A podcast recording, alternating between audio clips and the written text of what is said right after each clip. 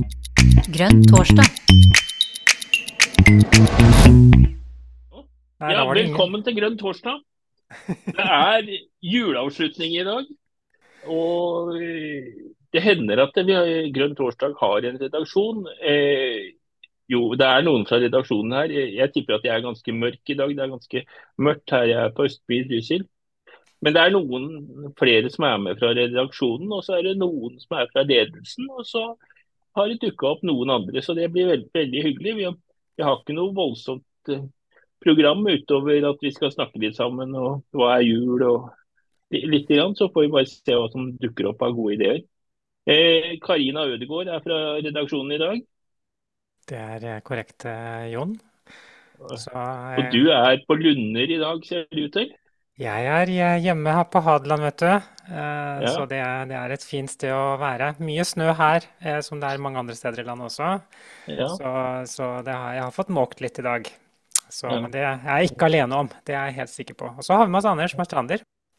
Ja, og Han Ja. gir inntrykk av at han er fra, fra Ringsaker i dag, men han eh, kaller inn fra Monaco som vanlig på jula. Ja da, det er eh, familiebesøk her nede ved Middelhavet. Det er eh, eh, tro i jula de siste ja, det begynner å bli lenge siden. Åtte-ni år siden. Ja.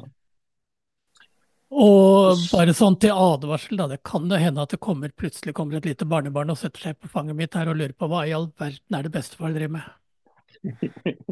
Det går, høres- går bra. Høres veldig, veldig fint ut.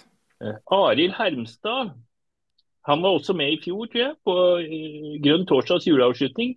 Du er partileder i partiet Miljøpartiet De Grønne. Men er det lyd?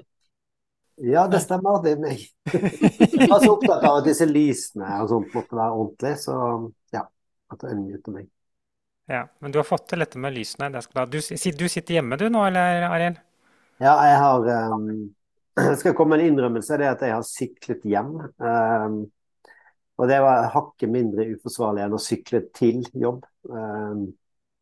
Men jeg var fortsatt så godt innafor uforsvarlighetsgrensen. med det antallet centimeter snø som har kommet til Oslo. Så ja, Men det er jo god julestemning. Det var mange biler som hadde problemer òg, så jeg følte meg i godt selskap når jeg syklet. Jeg Har du piggdekk på sykkelen? Jeg har piggdekk eh, og motor. Uten motor så har det jo aldri gått. Jeg regner med at du tok det ganske rolig eh, på to hjul, selv med pigger. Jeg la til og med inn en liten pause, sånn at jeg er ferdig med julepresangen òg. Så nå føler jeg meg ganske sånn oppesen, egentlig. liksom bare en tur og ferdig med julepresangene. Så ja, veldig fornøyd. Og mens eh, Arild har prata, så har vi fått på to til. Vi kan jo eh, ta, ta, ta, alt på si, ta det i rekkefølge, da. Så, så neste er jo nestleder eh, Lan, som, eh, som har logget seg på. Hei, Lan, og velkommen. Hallo, god kveld. God kveld, god kveld. Og du, sitter du også hjemme nå, eller? Jeg er faktisk på en liten sånn eh, juleavslutning eh, sammen med Isa. Eh, så derfor så var navnet mitt feil da jeg logga på. Ah. Eh, men nå er det riktig. Ja. Ja, ja, OK. Ja, nei, men eh, det er greit. Så Isa er ikke her, med andre ord, men hun er i nærheten av deg. Ja. Ja. Ja, men så bra. Og så, har vi fått med oss eh, Torkel, eh, vår eh, partisekretær. Velkommen, Torkel. Ja, tusen takk. Jeg sitter her på Løkka og ser på snøen som har lavet ned. Det er, det er julestemning i hele Oslo nå, så det er deilig å kjenne på. Ja, dere har, dere har vel hatt sentralstyremøte i dag, har dere ikke det? Jo, det hadde vi. Eh, digitalt, da, så folk satt Ja, rundt OK. omkring. Ja, ok. Så det har ikke vært en sånn slitsom reise hjem etter sentralstyremøtet? Jeg skal innrømme at er, det er kanskje ikke så slitsomt for meg uansett. Jeg bor ikke så veldig langt unna. Det er, er vel ca. 200 meter fra partikontoret til leiligheten min nå. Såpass. Men Arild ga jo inntrykk av at han hadde sykla hjem fra sentralstyremøtet, at det, det var eh, beinhardt og tøft å være på sentralstyremøte, i hvert fall turen hjem etterpå. Ja, han var jo helt borte på Stortinget, så vi satt jo hvert, for oss, da. Så at ledelsen, unngikk at ledelsen kunne koordinere oss eh, ved å sitte på hver vår plass i forbindelse med sentralstyret. Men det gikk fint. Er det sånn ny greie som sentralstyret har, at man skal passe på at ledelsen ikke kan snakke sammen uh, under bordet, liksom? jeg tror, jeg tror, jeg tror ikke jeg tror ikke det er det. Hvis man skulle unngått at arbeidsutvalget skulle snakke sammen under møtene, så tror jeg kanskje ikke det jeg tror ikke det, det, er så effektivt at det sitter forskjellige steder heller. Vi klarer å kommunisere selv om vi ikke er samme sted. Utrolig nok. ja, for jeg vet ikke, Karina, jeg vet ikke om du er klar over det, men Torkil er faktisk eh, digitalpolitisk talsperson. Så han har, noe, han har noe kunnskap om digital teknikk, så han kan kommunisere på flere plattformer samtidig. Jo, men du skjønner det, Jon, at det er ikke bare Torkil som må kunne det, det er de andre også. Ja, nei, men det er mm, veldig veldig bra. Det skal få slippe å komme lekkasjer fra sentralstyremøtet. Det skal få lov til å være, være der det er. Eh, men, men, jeg er litt sånn nysgjerrig. Det er jo noen da. ting som skal ut derfra, da. Det er noen ja. vedtak som er gjort. Ja, ja, OK. Vil du at, skal, at, de skal få lov til å si noe om det? Er det det du sier, Jon? Ja, Hvis det er noe, noe, noe av interesse å melde, eller er det bare en sånn opprettelse av utvalg og eh, sånn, eller gjorde de noen politiske vedtak? Det er jo det som er mest interessant i denne sammenhengen, tenker jeg. Ja, jeg kan det var vel ikke så politisk, var det det? alt er relativt. Jeg syns jo alt er politisk. jo, ja. Men ikke noe vedtak om væpna revolusjon eller noe sånt, altså? Nei. Nei, men Var det noe spennende? Jeg, er litt nysgjerrig. Jeg, jeg var ja, det var jo noe spennende, var ikke det? Ja, altså jeg, jeg, kan jo, Siden det er jeg som har oppgaven å få formidla disse vedtakene etter hvert, da. Nå er det jo litt sånn tett på juleferie, så blir vi har utnevnt elleve utvalg, da. Eh, og det eh, kommer vi til å få ut. Men det blir fort eh, en del informasjon som må ut til ulike de som er utnevnt og sånn også, så det blir fort 2. januar. Men det har vært en glede å få inn 100 folk som er villige til å stille. og to, det er 100 folk til sammen, ja? Ja, som stilte, ja.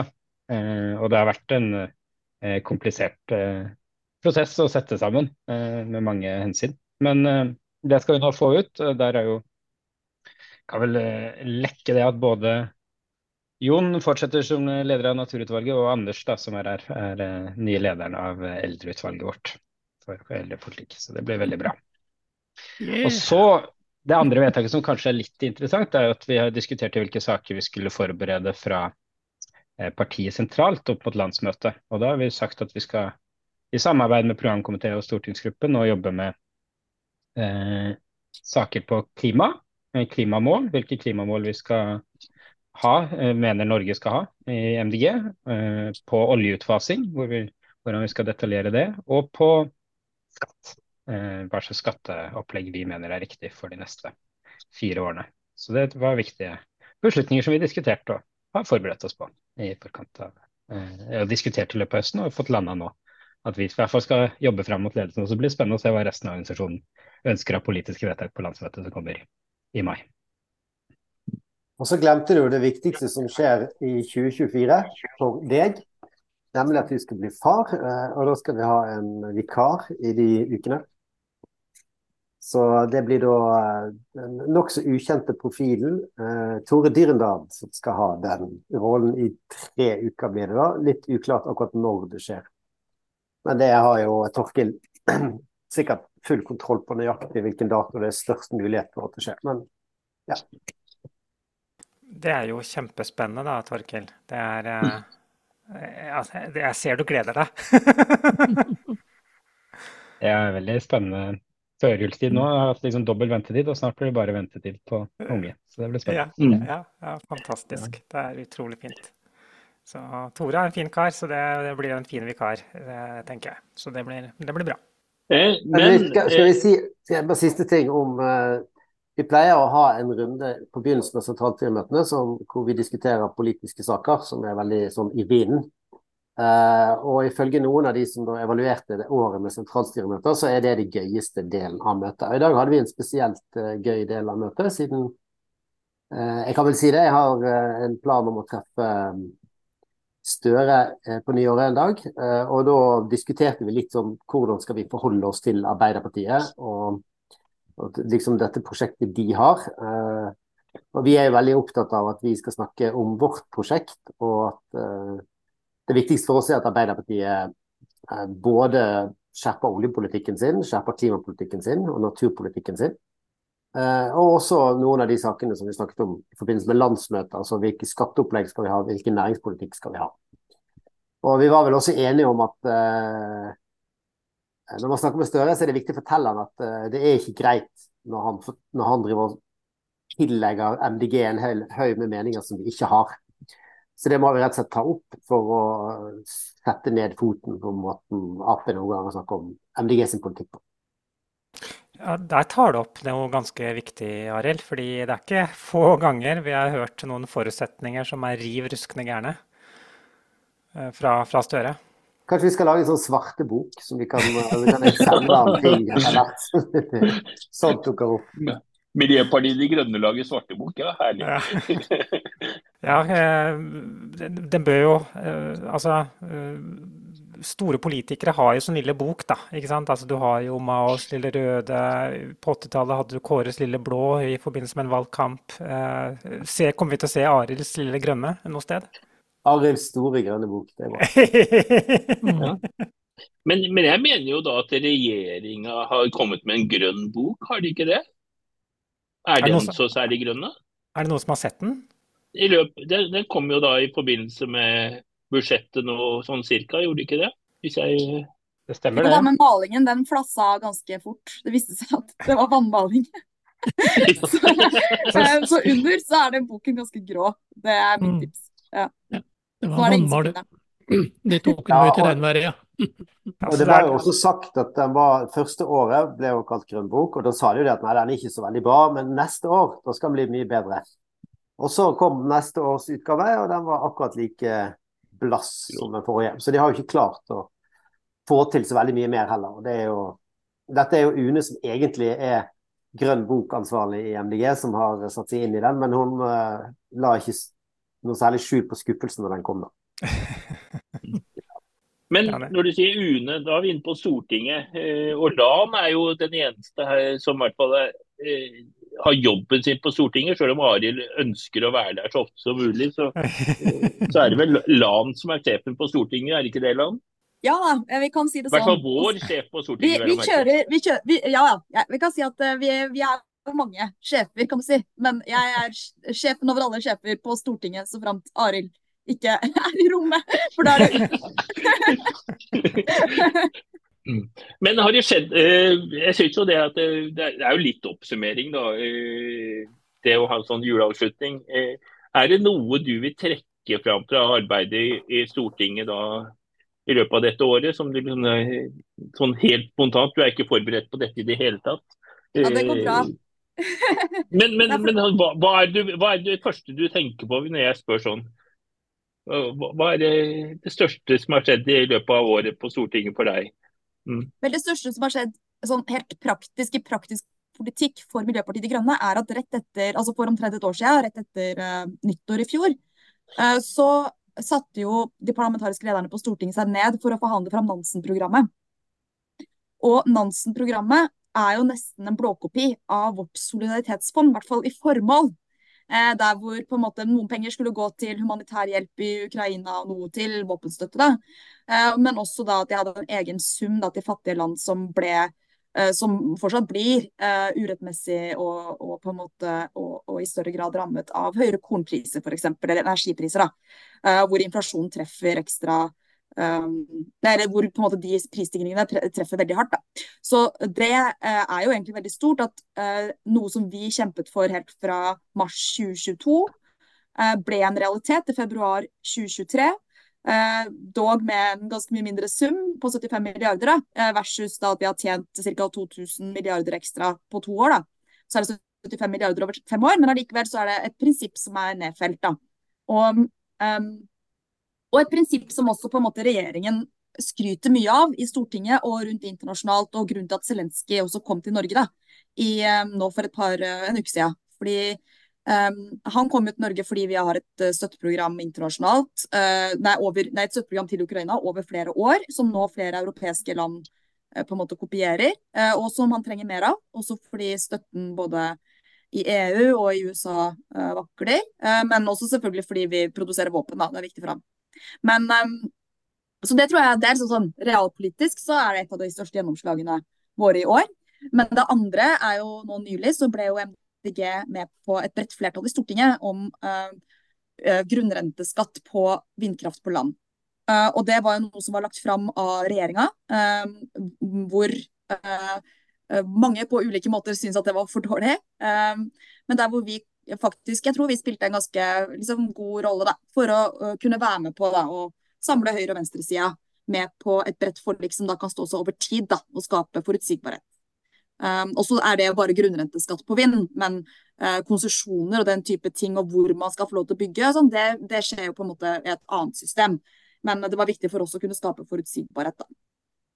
Så Det tror jeg på en måte er to viktige ting som har skjedd. og det jeg mener også at MDG har vist noe av det som uh, jeg mener er potensialet vårt i norsk politikk også, og det er å bygge bro da, mellom høyre- og venstresida. Fordi vi er pragmatiske. Vi ønsker på en måte løsninger som fungerer i vår tid. Vi har ikke med all den ideologiske bagasjen som de har på samme måte. Da. Vi har vår ideologi, men, um, men ikke med denne høyre- og venstreside-vinklingen, hvor venstresida ofte kan ønske skatt for, uh, fordi man skal dra inn skatt fra uh, næringslivet til fellesskapet, på en måte. Uh, mens høyresida på en måte um, kan være litt motsatt. Og så kan vi være med på da kanskje bygge bro, da.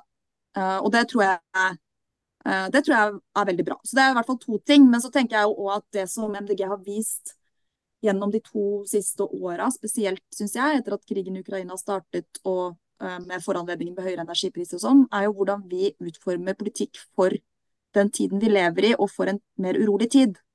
Um, der hvor vi både tenker på omfordeling, vi tenker på hvordan vi skal bygge et nytt næringsliv i Norge. Um, etter at vi har hatt et veldig oljetungt næringsliv i mange tiår. Uh, og, og vi viser da hvordan vi kan på en måte sørge for at vi skaper trygge lokalsamfunn og trygge, en trygg verden da, for framtiden som henger sammen. Og det, det, tror jeg på en måte at vi kan eh, Det har vi mange eksempler på, bl.a. strømstøtteordningen vår, da, som av fagfolka blir regnet som den aller beste, selv om regjeringen ikke har forstått det ennå. Takk. Ja, det er en ting som jeg har gått litt inn på meg, som jeg, jeg, det kan jo hende at det blir litt for komplisert, men eh, jeg har, eh, har tenkt litt på det er jo ting som tyder på at støtta til Ukraina eh, er litt usikker både fra USA og fra EUs side. Jeg vet ikke om du har gjort deg noen tanker rundt det. det, Litt, litt, tøff utfordring på en juleavslutning, kanskje, men det det er, jo det er jo noe som er sikkert mange får litt opp i eller tenker litt på, tenker jeg, når man får disse nyhetene fra USA og også da fra EU med Ungarn og sånn, som da bremser på den sida. Jeg tenker jo at det gjør at vi Eh, eh, og det, det, synet vi har på verden, da, og hvordan den må henge sammen for at vi faktisk kan håndtere de store globale krisene vi har, det er viktigere enn noensinne. For at der vi skiller oss fra høyresiden, er at vi ønsker mer omfordeling. og Vi mener at samfunn der hvor man ikke ivaretar de svakeste, der man ikke, der man ikke har en god omfordeling, de henger ikke. Eh, de, går, de kan gå opp i liminga. da.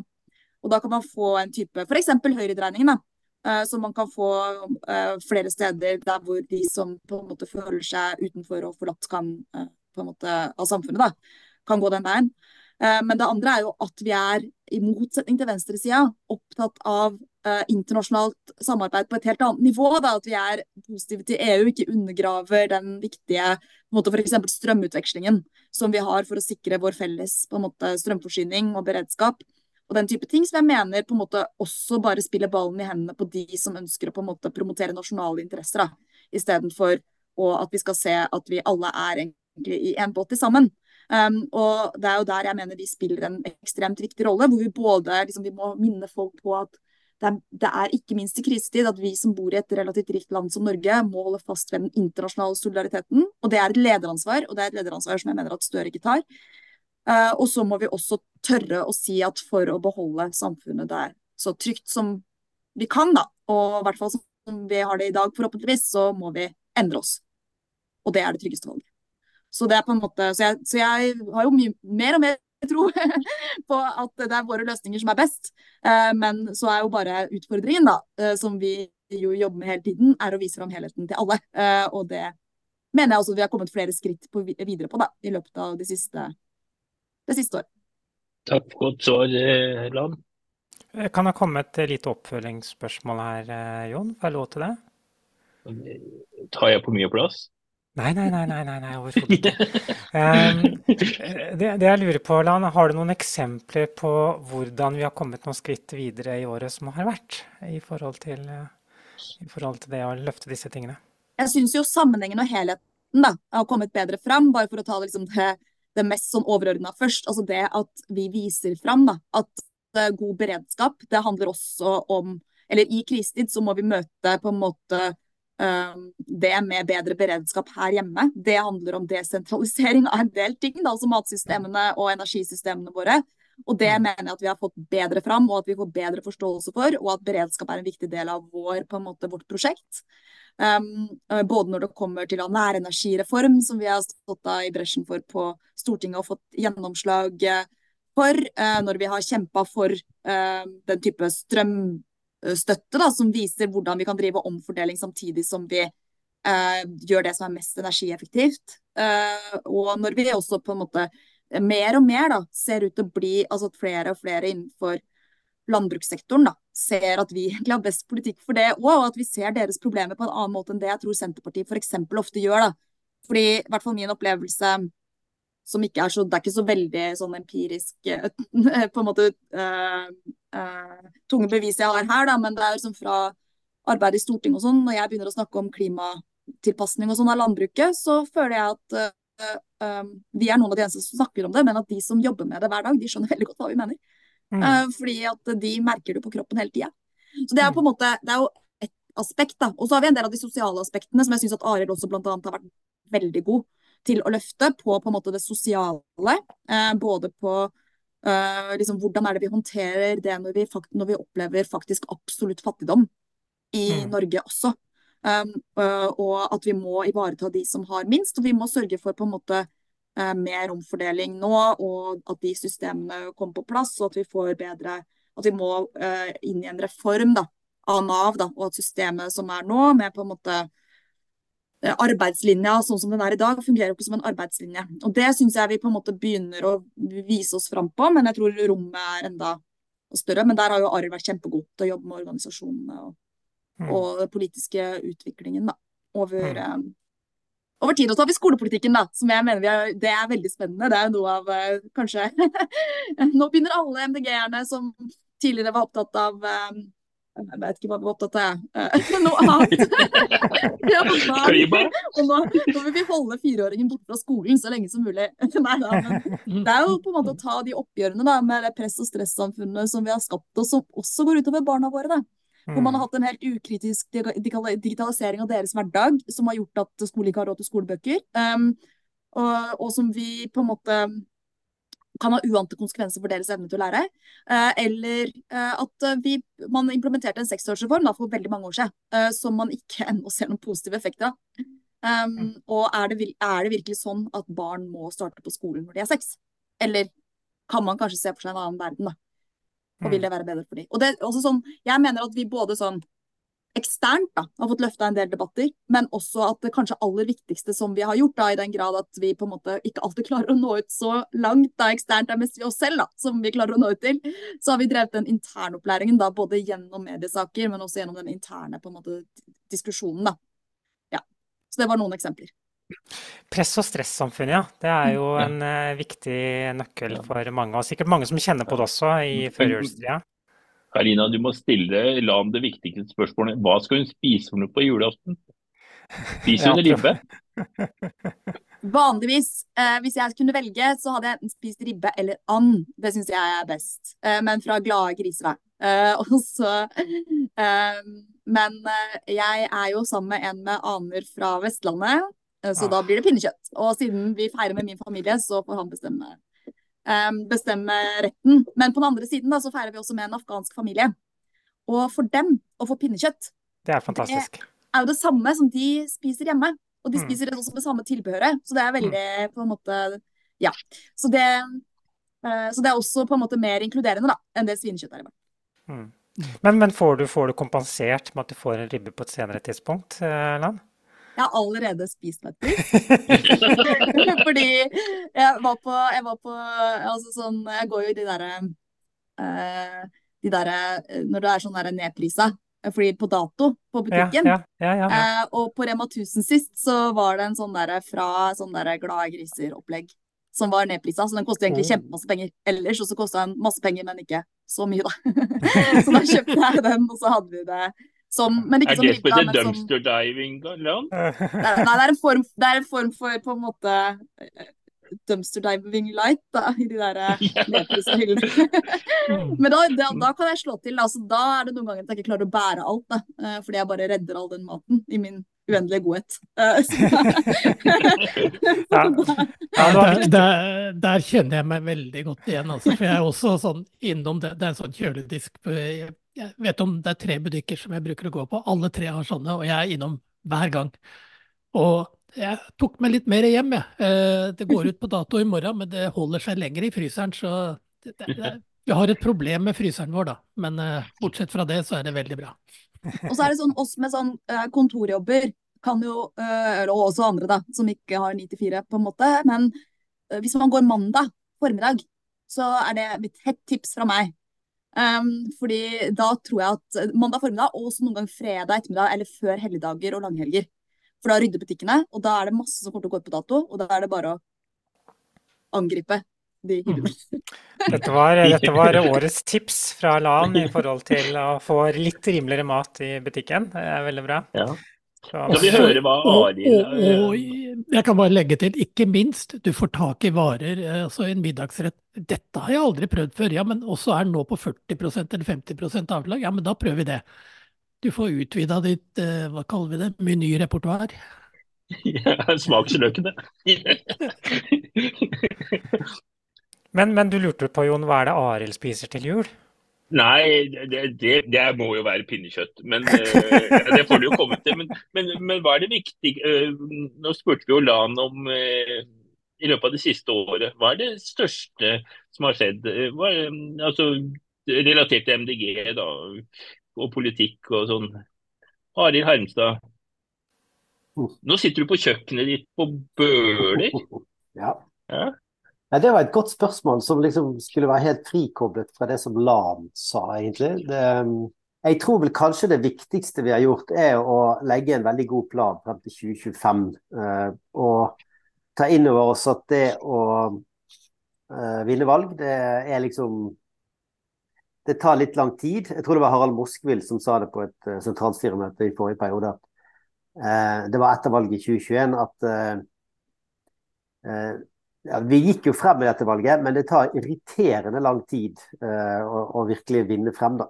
Uh, så det tror jeg vi har tatt inn over oss. Vi har laget en, en god game, gameplan frem til 2025. Og så tror jeg, uh, litt i forlengelsen av det som Lan sa, da, at noen tror jo at sånn grønn politikk og MDG og sånn, det er sånn som man kan, at det er et slags overskuddsfenomen. så det, Man kan stemme på det når alt annet er i boks. Da kan vi liksom ta vare på klimaet og naturen og de aller mest sårbare blant oss og sånn.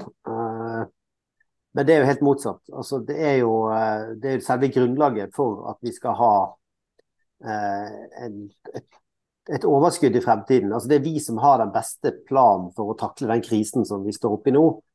Eh, og um, det tror jeg at vi eh, skal bli enda flinkere til å forklare folk. Eh, det har vi blitt i 2024. Nei, 2023 er vi ferdig med nå.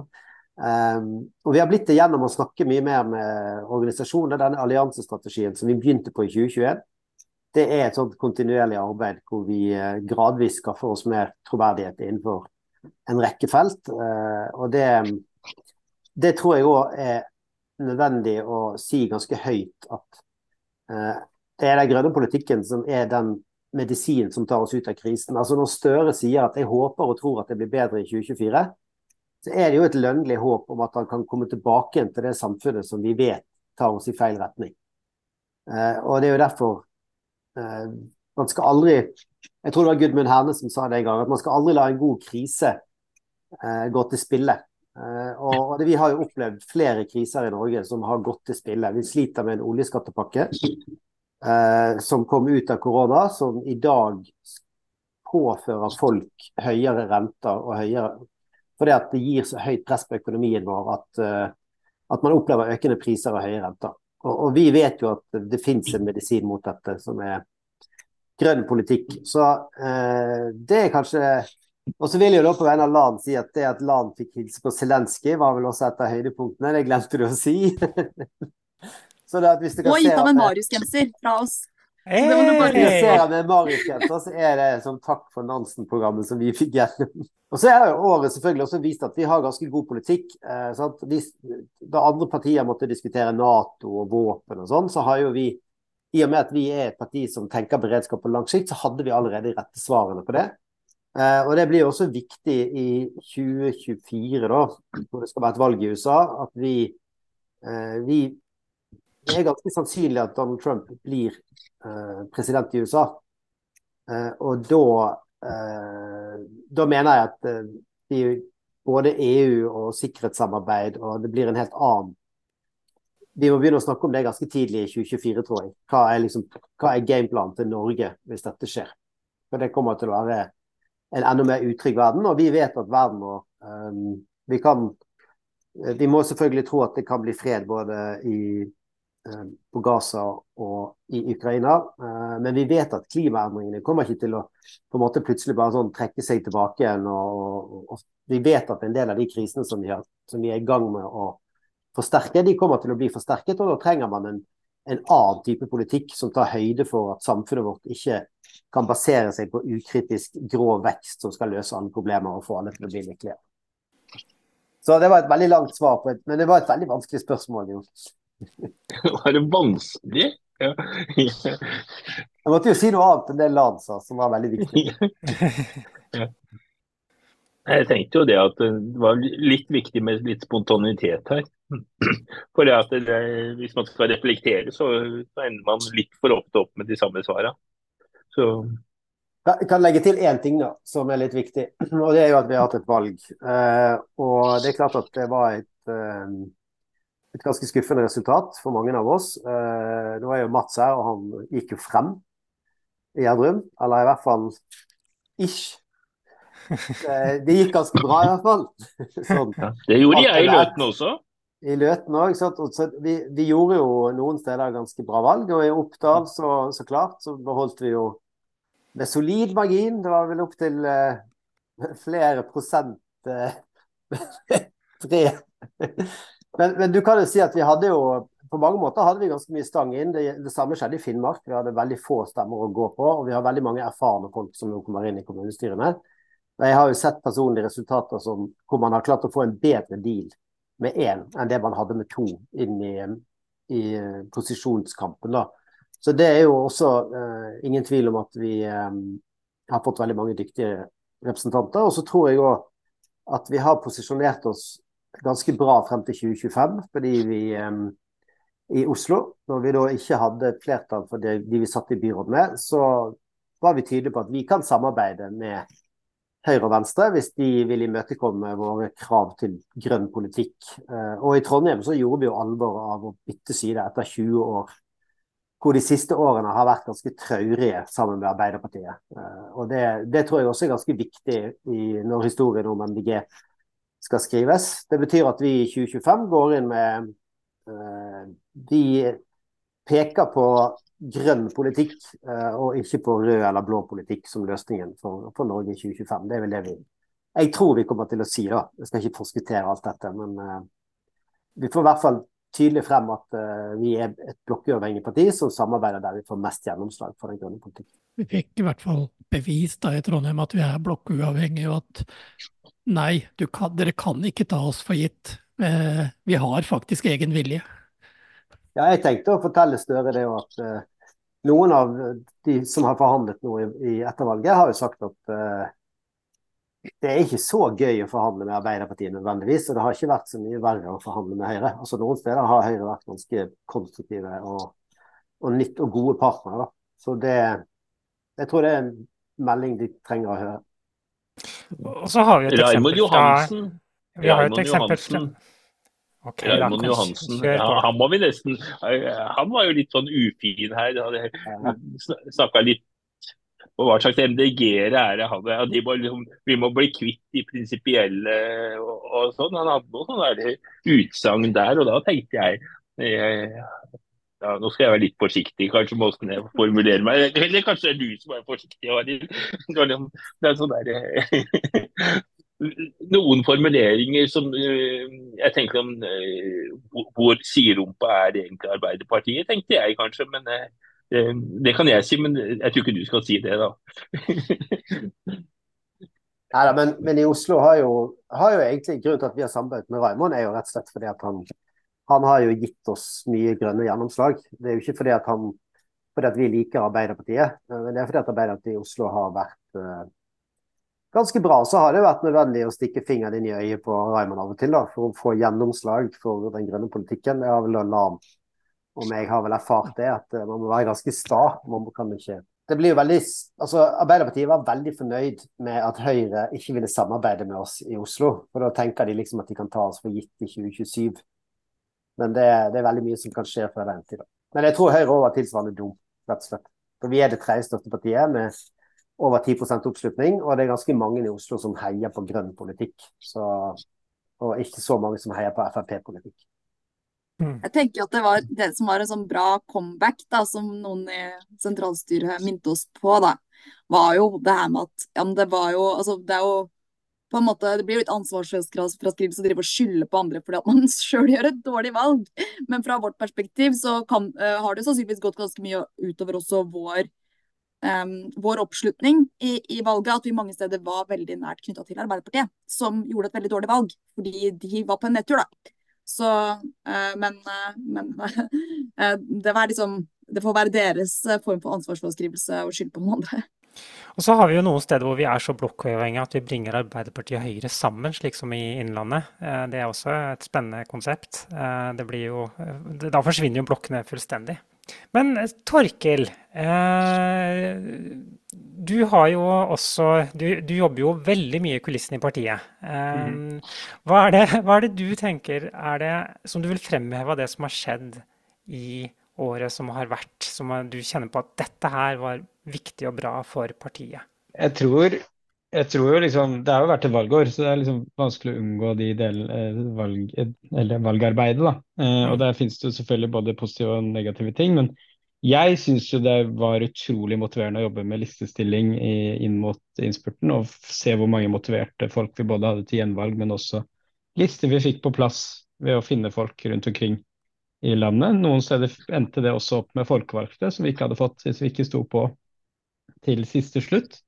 Selv i et eh, valg hvor vi gikk ned, så var det faktisk slik at vi fant eh, nok folk til å redde inn eh, folkevalgte noen steder. Og det var motiverende. Og så tror jeg Jeg fikk jo den æren å være med litt og forhandle i Trondheim.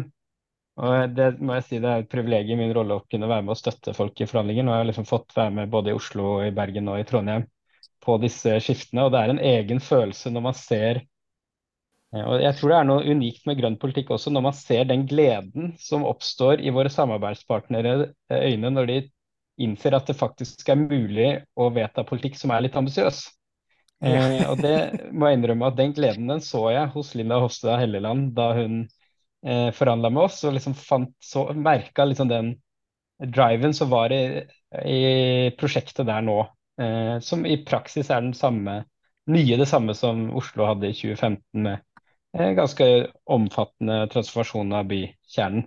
F.eks. som Linda Hofstad Helleland da, i 2015, var transportpolitisk statsperson for Høyre og kalte å bygge Berlinmur. Nå er hun eh, med på å få til dette i Trondheim sammen med oss, i, etter 20 år med Arbeiderpartistyret som ikke har fått til det. Og den, den, den, den, posisjonen vi har i norsk politikk, og den muligheten vi får til å faktisk liksom gjennomføre endring og være et endringsparti, den tror jeg Eh, virkelig er eh, noe av kjernen i det grønne prosjektet. Så det må jeg si var veldig eh, et stort øyeblikk for meg personlig, og veldig stort å se hvordan våre folk hadde klart å få til denne stemningen rundt grønn politikk som de virkelig har fått til i Trondheim.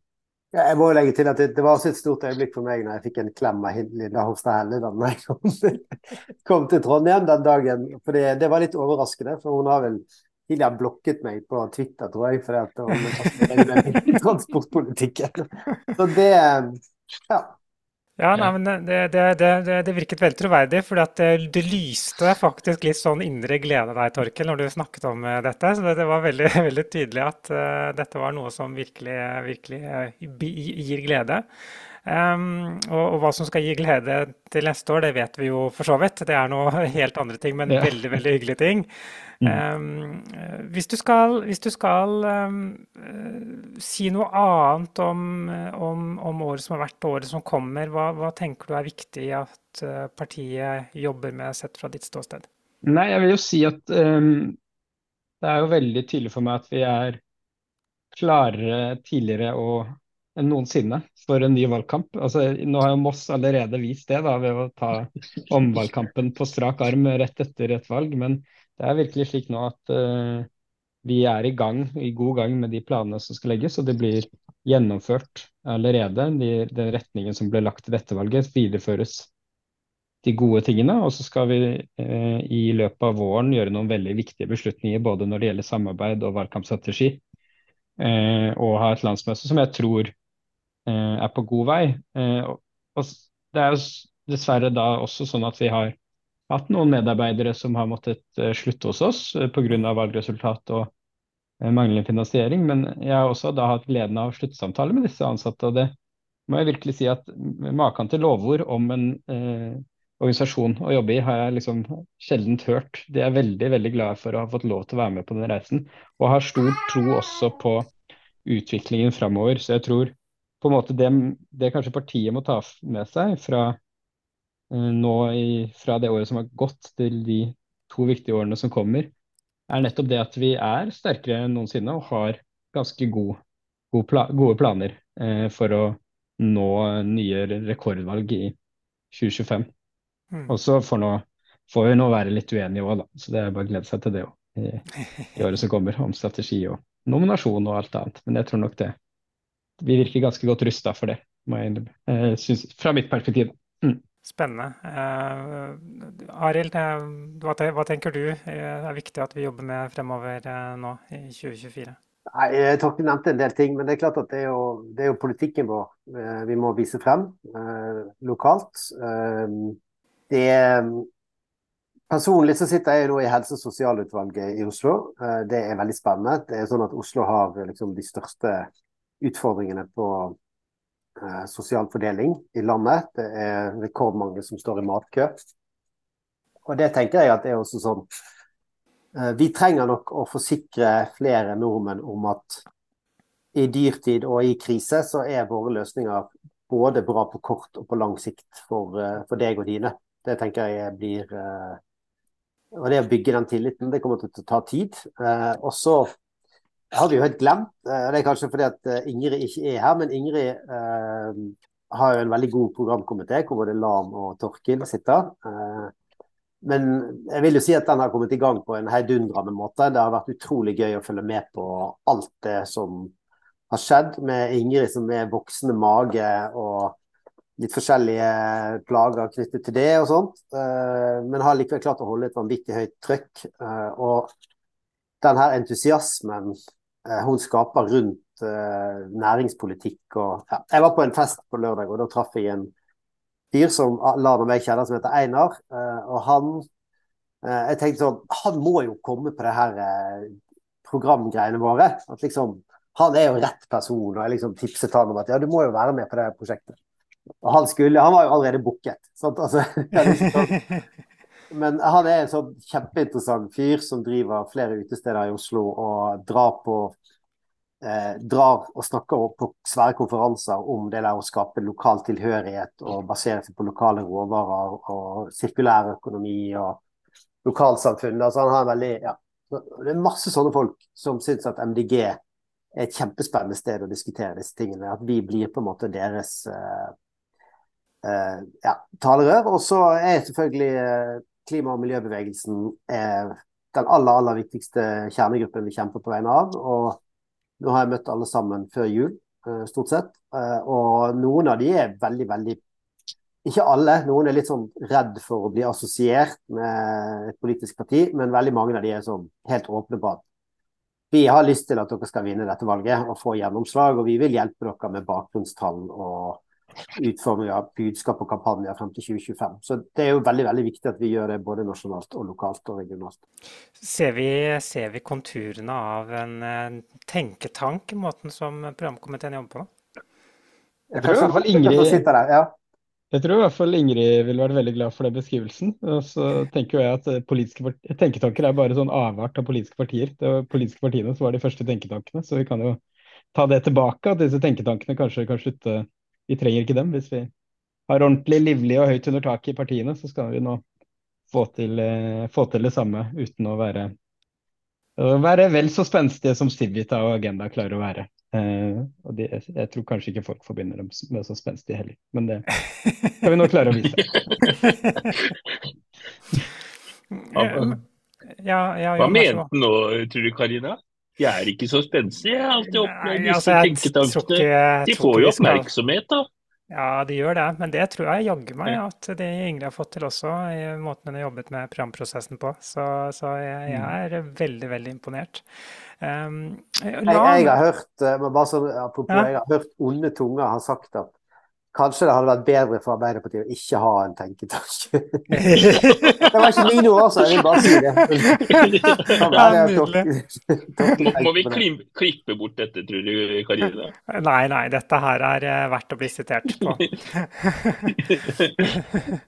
Men en ting som, som, du har begynt å brenne litt for, eh, Lan, det er det du kaller for myteknusing. Eh, si litt om det. Ja, positiv myteknusing. Nei, altså jeg tror jo på en måte For det første så skal vi være stolte av prosjektet vårt, og at vi er det partiet som klarer å på en måte se de ulike trendene i samfunnet og skape den politikken som gjør at vi også skaper trygge lokalsamfunn og samfunn da, framover. Med gode jobber og sånt. Men uh, så er det jo sånn at når man står for noe nytt, uh, og det gjør jo vi, gitt at trygghet fordrer endring da, nå, så eh, er det mange myter som skapes om oss. og det Sånn har det vært på alle sosiale bevegelser til enhver tid. Og da er vel spørsmålet hva gjør vi med det, for å prøve å komme det til livs på en måte som ikke virker bitter og innadvendt og defensiv. da. Og Det er på en måte, det er utfordringen. Men jeg tror at det kan vi klare. Men da må vi på en måte eh, identifisere hvilke uh, på en måte oppfatninger som finnes der om oss. Og så kan vi da som er profiler som reiser rundt og sånn, bidra til å Eh, vise fram f.eks. at vi har en veldig god landbrukspolitikk. Mm. Um, som også veldig mange fra Senterpartiet syns er bedre enn deres. Uh, og er mer tilpassa vår tid. Um, og det er jo en form for på en måte myteknusing vi kan drive med, bare ved å stille opp i felleskjøpedress der hvor. Uh, hos, uh, hos, noen av de mest progressive, kule folka rundt omkring der hvor vi reiser. da. Så um, det er jo i hvert fall noe av de tingene som som jeg tenker. Og, og, så har vi jo samla en liten gruppe da, som vi kan uh, jobbe litt sammen med det om. da. Uh, framover. For jeg tror jo, men jeg tror at, jeg tror at vi, liksom balansen blir på en måte um, å gjøre det på en måte som kan spres fort da, i sosiale medier, sånn som den landbruksfilmen som vi lagde i valgkampen. Med kjeledress og kalven Arild. og, så, eh, eh, og, så, og, så, kan man også gjøre det på andre måter, f.eks. som vi har gjort tidligere òg, ha på nettsiden litt sånn Arbeiderpartiet sier at MDG vil legge ned olje over natten, stemmer det? Nei. ikke sant? Um, og dette her er litt sånn, sånn at folk har litt å beskytte seg med. da. Så det kan jo gå på forskjellige nivåer. Mye har vi gjort veldig mye allerede, men jeg tror også at vi kan gjøre det litt mer sånn gøyalt og med video. Uh, og det er vel kanskje det, jeg har tenkt litt, da. Og så er det en, en idé som er åpen for uh, på en måte gode ideer og innspill og motforestillinger. Ja. Så det er jo faktisk en invitasjon til, som går ut til oss alle. Eh, har du en god idé i forhold til myteknusing, en god videoidé eller noe humoristisk, så spill den inn, så kan vi se om vi kan få gjort noe med det. Det syns jeg er en fin oppfordring til alle som eh, ser og hører på. Så takk, eh, takk for det, Lan. Eh, jeg syns dette med myteknusing er veldig, veldig spennende. Eh, Torkil, vær så god. Ja, jeg eh, tenkte litt i forlengelsen av det å komme med en liten oppfølging siden vi nærmer oss slutten her. at Nå skal jo vi inn i denne juleselskapssesongen. og det, det, er jo en høytid for å bli møtt med ulike forestillinger om MDG. Eh, og Da er liksom utfordringen til oss alle å faktisk stå litt i de samtalene, og, men selvfølgelig på en hyggelig måte ta imot. Men også være tydelig tilbake på hva prosjektet er, og invitere flere folk med. Så Det trenger vi virkelig nå i tiden som kommer. Jeg har selv merka noen ganger at jeg bare noen ganger så velger jeg å skifte samtaletema, men jeg tror kanskje eh, det er eh, en god anledning til å øve seg litt på å stå litt i, i den positive myteknusningen som Lan nevner opp mot enten det er onkel eller nevø eller niese som har disse mytene om oss. Mm, mm. Så er det fascinerende, da, for jeg ser jo mer og mer sånn etter, spesielt etter at jeg kom inn på Stortinget, da. Eh, så får jeg sånn i Facebook-feeden min og sånn på oppdateringer og sånn. Det er bare sånn Å ja, for en gangs skyld er jeg enig med Lan. Og så får jeg det hele tida. så jeg bare sånn Du skulle bare visst hvor enige vi var. og det er jo kanskje det Det er jo nå utfordringen vår òg, da. Det er jo på en måte at eh, på et eller annet vis da, så har det blitt skapt mange fortellinger om oss som ikke er sanne. Eh, mm. Det kan vi bidra til å hjelpe med å på en måte motbevise, eh, og det er mm. vår alles jobb. da. Og så vil jo på en måte, og så kan vi på en måte fra uh, vi som er på Stortinget eller sentralt, da, vi kan jo uh, hjelpe til også å formidle gode ideer da, på en måte som kan nå enda lenger ut. Noen ganger. Og andre ganger så, så, er det bedre med andre, da. Men det, er sånn, men det er i hvert fall vi veldig åpne for. da, Så det er bare å sende ideer og innspill til det. Ja. Mm. Ja, og det, og det, er jo sånn at alle de som er lokalpolitikere, de, de har jo stort sett møtt denne her åh, jeg kan ikke for, forholde meg til MDG, altså. Men, men du, du er ålreit, altså. Eh, altså det, du er ikke så gæren. Eh, kan du kjenne deg igjen i det, Mats? Eh, ja, det kan jeg absolutt. jeg tror jeg kan si det. Så skal jeg rette litt på Arilstad. Vi gikk ikke fram i valget, men vi beholdt med én stemmes eh, overvekt begge våre mandater. Så det var vi veldig fornøyd med. Så også der var én stemme nok. Det er jo fantastisk. Ja, men vi gikk jo fra en posisjonssituasjon til opposisjon, da. Så det var jo vi ja, Så vi var ikke helt fornøyd med det. Men uh, i budsjettbehandlingen uh, nå i desember så satt jeg jo med veldig mye lavere skuldre enn jeg har gjort tidligere, da. Så da var det plutselig litt ålreit å være i opposisjon. Så ja. Det er noen fordeler og ulemper med det òg. Mm. Jeg tenker det er veldig viktig. Jeg tenker det er viktig å bruke den lille tiden man får i opposisjon, så godt som overhodet mulig. Så det I hvert fall målet er at jeg skal bli så liten som mulig. Det var jo det bra ut. Det var en grei formulering, syns jeg, Arild. Den lille tiden man får i opposisjon. jeg elsker forutsetningen, ja. ja. Eh, jeg har et eh, siden vi nærmer oss slutten her, så har jeg Altså, i fjor så fikk vi jo en kjempeavsløring av det litt mer eh, Hva skal vi kalle det?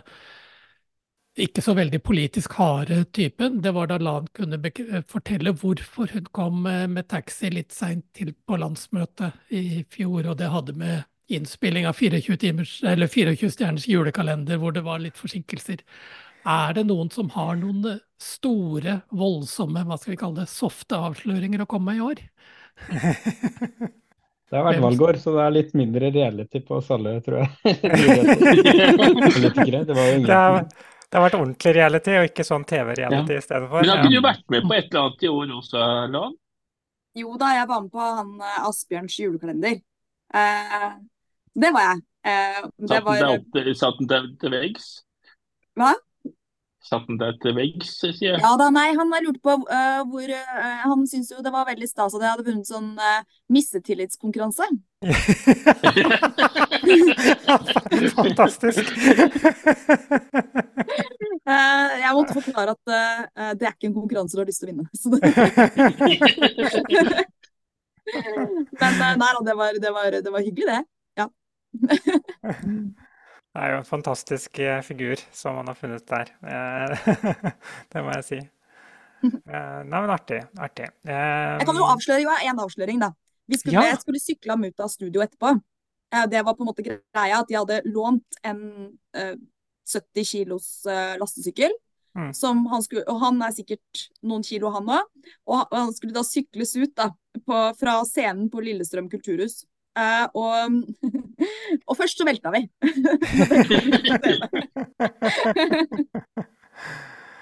så, så, det, så, det, ble ikke vist det at du velta helt? Altså, nei, det, var jo, det hadde vært egentlig litt gøy, da. Egentlig. Kanskje vi bare ikke var elegante nok. ja. Men vi, vi, vi, har ikke fått svar på hva Torkil og Arild spiser på, til jul?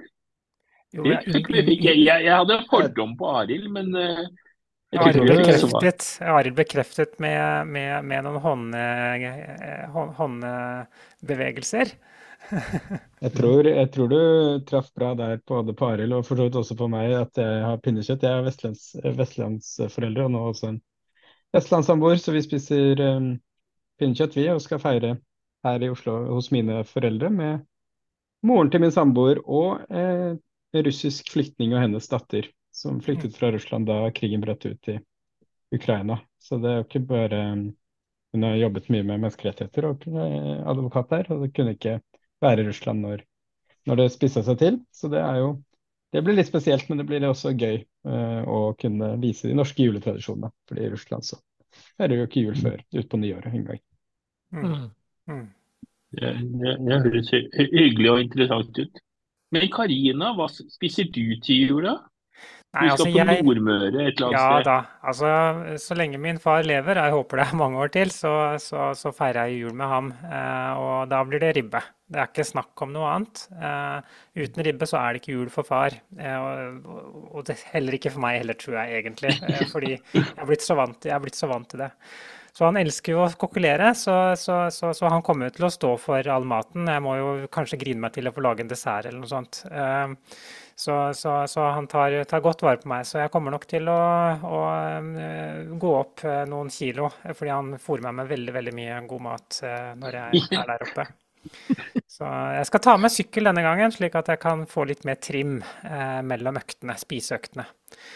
Det, det, det blir bra, tenker jeg. Hmm.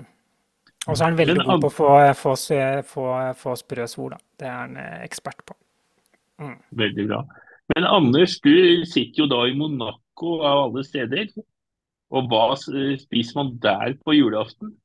Ja, på julaften, så Altså, de rundt oss her i andre leiligheter, de spiser alt mulig rart. Men uh, vi spiser eh, ribbe fra Spikkerud gård. Der går det utegriser og såkalt Delan kalte en glad gris. Eh, så det er det vi har. Og så er jeg kanskje i løpet av sendinga funnet ut at Lan og jeg er ganske nære i matveien, for på nyttårsaften skal vi ha and. Det er utrolig godt. Ja, el elsker det. Og ja, jeg, steiker jeg og ordner begge deler. Slipper ikke noen andre til her, dette må gjøres ordentlig. Det høres bra ut. Nei, her i, i Trysil hvor jeg er nå, så er det pinnekjøtt på julaften. Vi sniker oss til, noe til ribbe noe på noe, en av de andre dagene, men eh, eh, etter at vi fikk smaken på pinnekjøtt, så er det det, det som gjelder på julaften. Okay, Og, så, så du, så du, Jeg foretrekker røyka pinnekjøtt. Mm. Jeg vet ikke hvordan det er med en del andre- pinnekjøtt uh, spiser det, men uh, den bør jo være røkt. Den bør jo være røkt.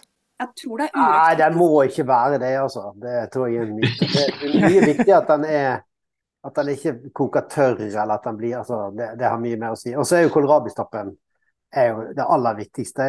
Masse fløte og smør. Ja. Så hvis du går tom for kålrabistapp, da er det fullstendig krise hjemme hos oss på julaften i hvert fall. Da, det, har, det, har, det har resultert i gråt og tenners gnissel flere ganger. Jo, men altså kålrotstappe og pinnekjøtt, den kombinasjonen er jo uslåelig. Altså det er en fantastisk god kombinasjon. Altså det skal jeg gi deg, Arild. Veldig bra. Skal, eh, Jon, vi begynner vel å, å gå over tida, så vi, eh, har, har du en avrunding du vil kjøre? Jeg, vet, jeg bare, vi begynte å flire her alle sammen, for vi så jo meldinga fra Tommy på skjermen. Ja, Karsk, karsk og sådd. ja. eh, Tommy, Tommy er trønder. Men er det noe lyd i Tommy, ja? Sånn helt på slutten, er det det? Eller har du kobla fra? Altså, Der kommer den, vet du. jeg tok, eh, jeg tok bare en drop-in. Jeg har ikke liksom en rigg her jeg, som jeg sitter. Så jeg tenkte jeg skulle eh, bare observere. Ja, men du er i hell nå, er du ikke det, Tommy? Jeg er hjemme, ja. I hell, ja. Mm. Men du klarte ikke helt å holde deg og bare observere, nei. Nei, det, er jo, eh, ja. Nei, men hyggelig å se dere. Likeså. Likeså. God jul til deg også. Men da, da gjenstår det vel egentlig bare å, å takke for oppmøtet. og Ønske alle, takke alle for det fine året som har vært. Alle, alle den innsatsen som ble lagt inn i løpet av året som har vært. For det, det gjelder alle som er her, har lagt igjen en fantastisk innsats. Eh, og takke for det. Og ønske alle en riktig god jul og godt nyttår når vi kommer så langt. Og så ses vi på andre sida, for å si det på den måten. Mm. Kan jeg få lov til å si litt om andre sida? Har du erfaring? Narko, eller? Nei, da, Da er vi spent, eh, Anders. Ja, nei, jeg, snakker, jeg, jeg må jo ut og reklamere da, vet du. Uh, neste sending i Grønn torsdag blir 11. januar, rett før folkevalgtsamlinga. Da er det Kan hende at det blir noe før det, da. Det kan være det, men det, det er den første vi har planlagt ordentlig, i hvert fall. Det kan hende det kommer en før. Uh, fjerde. Eh, da er det pensjonsreformen. Vi arrangerer noe vi aldri har gjort før. Vi skal arrangere politisk verksted. Og diskutere hva er det gode grønne svaret på pensjonsreformen til eh, Tonje Brenna. Hva er det ideelle vi ønsker oss, og hva jeg tror vi er eh, oppnåelig å få til. Og da skal jeg ha gode stemmer med i eh, Håper så mange som mulig kan bli med. Det får vi håpe på. Veldig Ja. bra. Det er i hvert fall en viktig sak for framtida. Mm. Mm. Ja, vi håper jo at alle her blir pensjonister en gang, så, så Jo, men for alle Det sammen betyr det noe også, det, ja, Karina. Ja. også i livet fram til pensjonsalderen. Ja, det er veldig bra. Nei, men Supert, eh, folkens. Tusen takk for nå, og eh, god jul og godt nyttår alt det der. Og eh, Arild har tent lys, så det er veldig, veldig vakkert, Arild. Tusen takk. Riktig, riktig god jul. God jul. God jul! God jul! God jul, sammen. jul. så ses vi på andre sida.